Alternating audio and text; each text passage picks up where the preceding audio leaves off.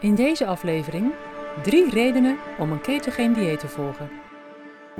Welkom bij de Keto Podcast met Louisette Blikkenhorst.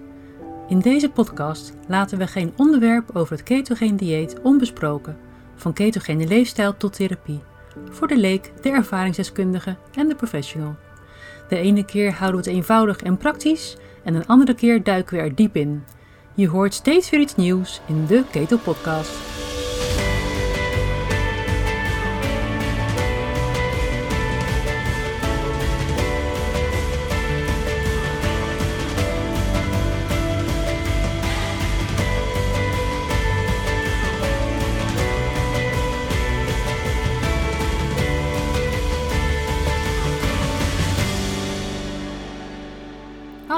Welkom. Leuk dat je luistert naar deze aflevering van de Keto Podcast. Vandaag gaan we kijken naar drie redenen om een ketogeen dieet te gaan volgen.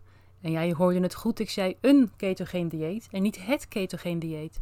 Want bestaat er wel één ketogeen dieet? Het antwoord daarop is nee. Er bestaan meerdere varianten van ketogene diëten. Het belangrijkste van een ketogeen dieet is dat het een manier van voeden is die de productie van ketonen mogelijk maakt. En dat is eigenlijk alles. Nou, niet einde aflevering, we gaan hier natuurlijk nog dieper op in. Misschien ben je helemaal nieuw bij het ketogeen dieet, hoor je de term vandaag voor het eerst. Dus ik zal eerst uitleggen wat een ketogeen dieet over het algemeen betekent. Een ketogeen dieet is een dieet waarbij je heel weinig koolhydraten eet, meer vetten en gematigd eiwitten. En waarom zou je dat nou willen doen, al die koolhydraten beperken en meer vetten eten? Het is bekend dat een ketogeen dieet het mogelijk maakt om de stofwisseling enorm te veranderen en vooral de vetverbranding mogelijk te maken. En voor veel mensen is dat nou precies reden nummer 1 om met een ketogeen dieet te gaan beginnen, namelijk gewichtsverlies. Want ja, het is gebleken dat de meeste mensen lekker veel gewicht kunnen verliezen door een ketogeen dieet te volgen. Reden nummer 2 om een ketogeen dieet te gaan volgen is meer energie.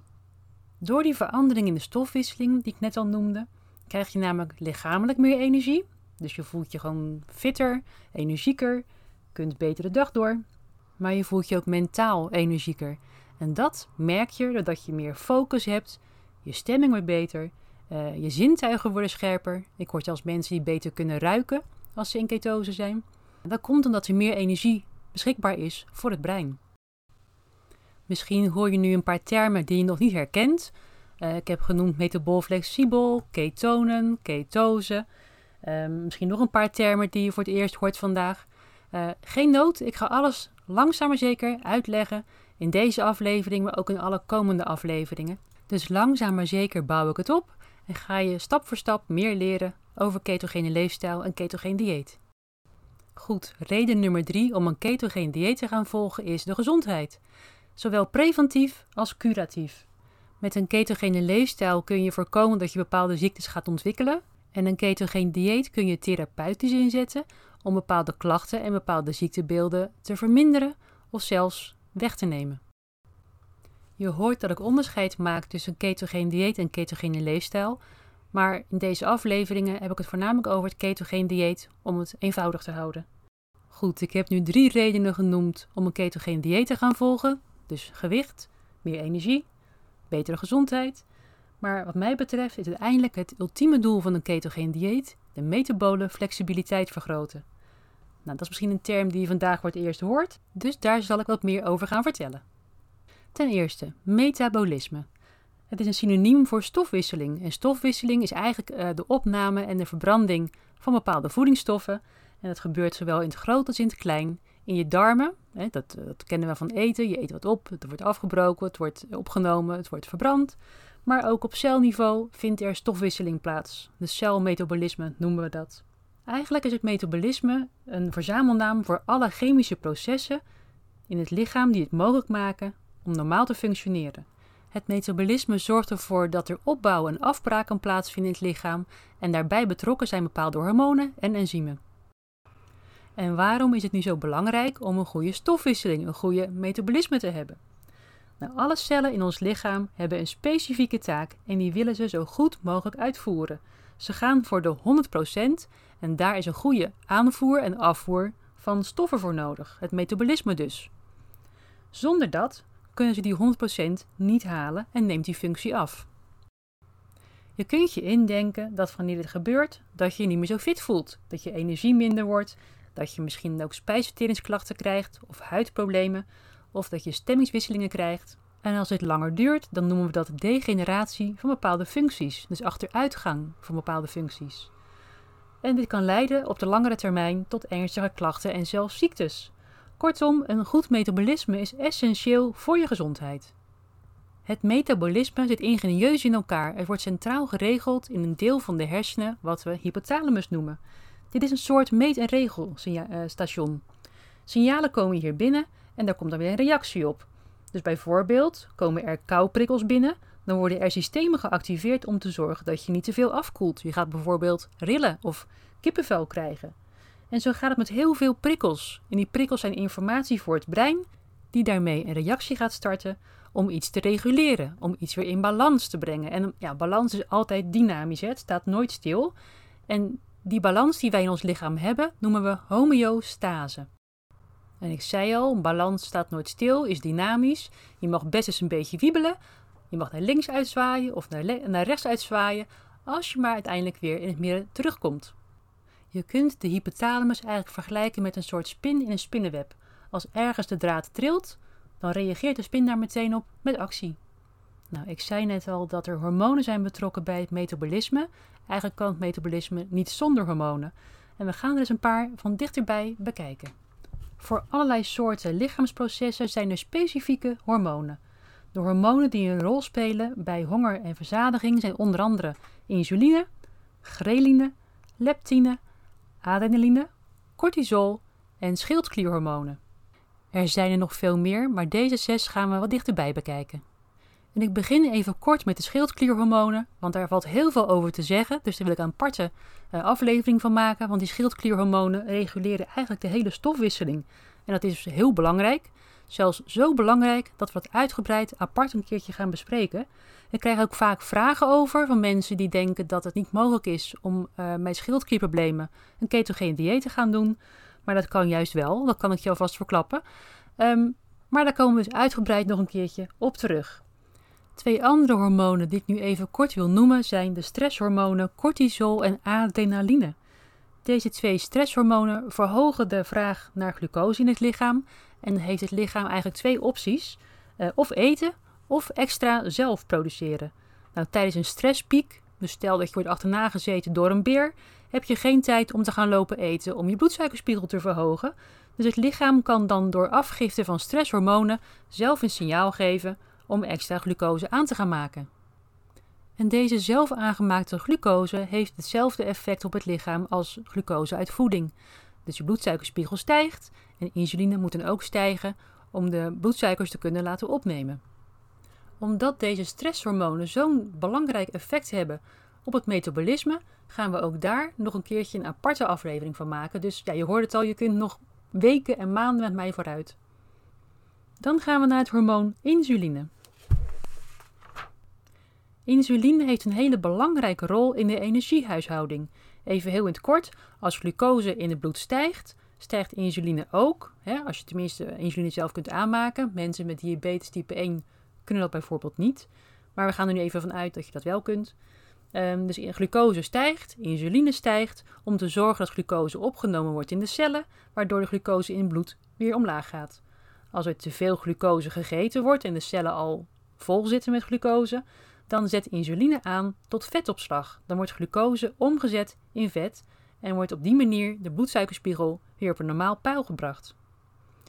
Ook heeft insuline een signaleringsfunctie naar de hersenen om aan te geven dat er genoeg glucose is en dat er niet meer bijgegeten hoeft te worden of dat er niet bijgemaakt hoeft te worden. Een verstoring in de insulinehuishouding kan leiden tot een te hoge bloedsuikerspiegel, ook als je te veel insuline aanmaakt, gek genoeg, want dan worden de cellen een beetje doof voor de signalen van insuline. Dit noemen we insulineresistentie. En het kan ook bijdragen door uh, meer vetopslag. Je kunt dus aankomen in gewicht door insulineresistent te zijn. Maar je kunt ook gewoon meer honger hebben, waardoor je nooit verzadigd raakt. Want de signalen die insuline afgeeft, worden niet meer goed ontvangen in het lichaam. Ook dit is een onderwerp waar ik nog uitgebreid op terug ga komen. En dat onderwerp zal insulineresistentie zijn. Heel belangrijk in, uh, in mijn verhaal eigenlijk. Dan is er het hormoon leptine. Dit is het hormoon wat zorgt voor verzadiging.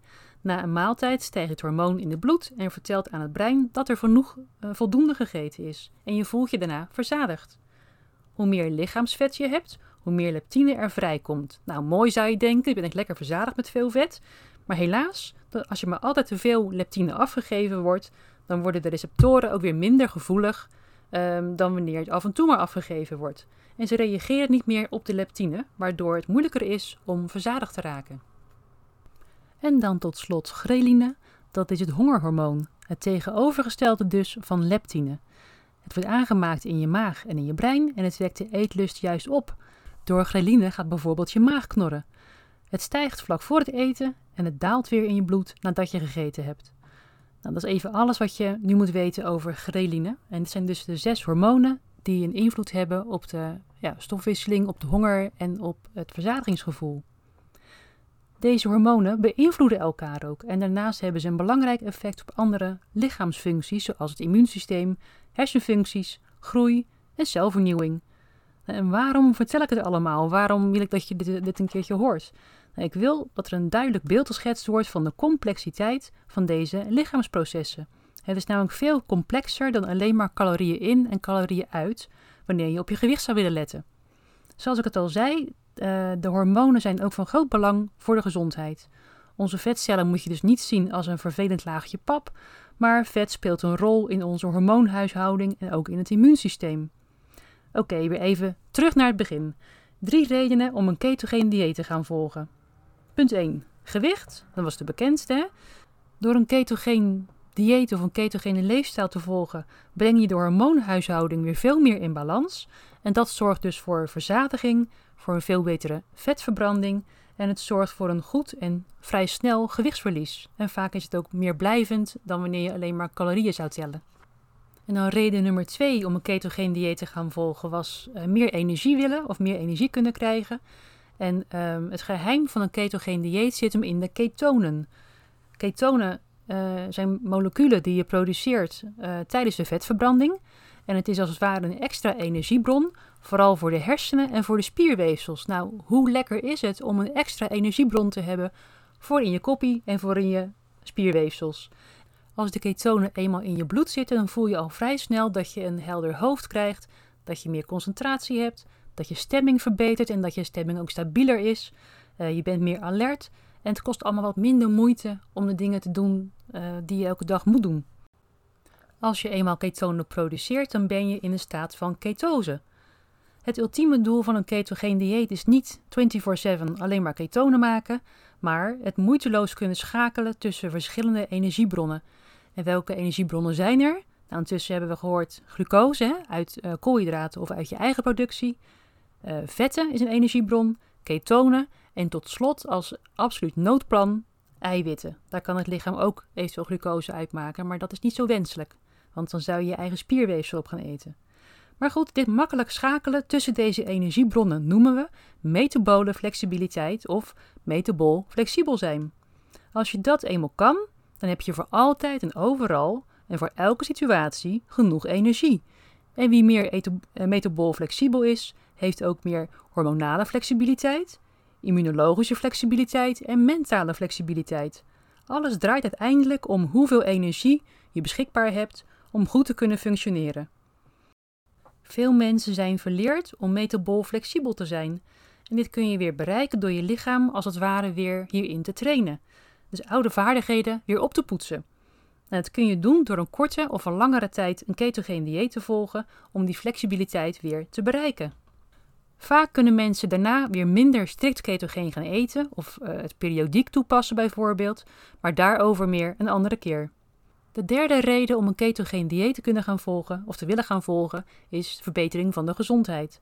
Allerlei aandoeningen en ziektebeelden zijn gelinkt aan een verstoorde insulinehuishouding, ook wel insulineresistentie genaamd. Ziektes als diabetes type 2, hoge bloeddruk, hart- en vaatziekten, onvruchtbaarheid, Alzheimer en zelfs kanker zijn hieraan gerelateerd, maar ook minder ernstige aandoeningen zoals um, uh, een tenniselleboog, uh, acne, slechte spijsvertering, um, stressgevoeligheid, psychische stoornissen zijn allemaal ook gerelateerd in meer of mindere mate aan insulineresistentie.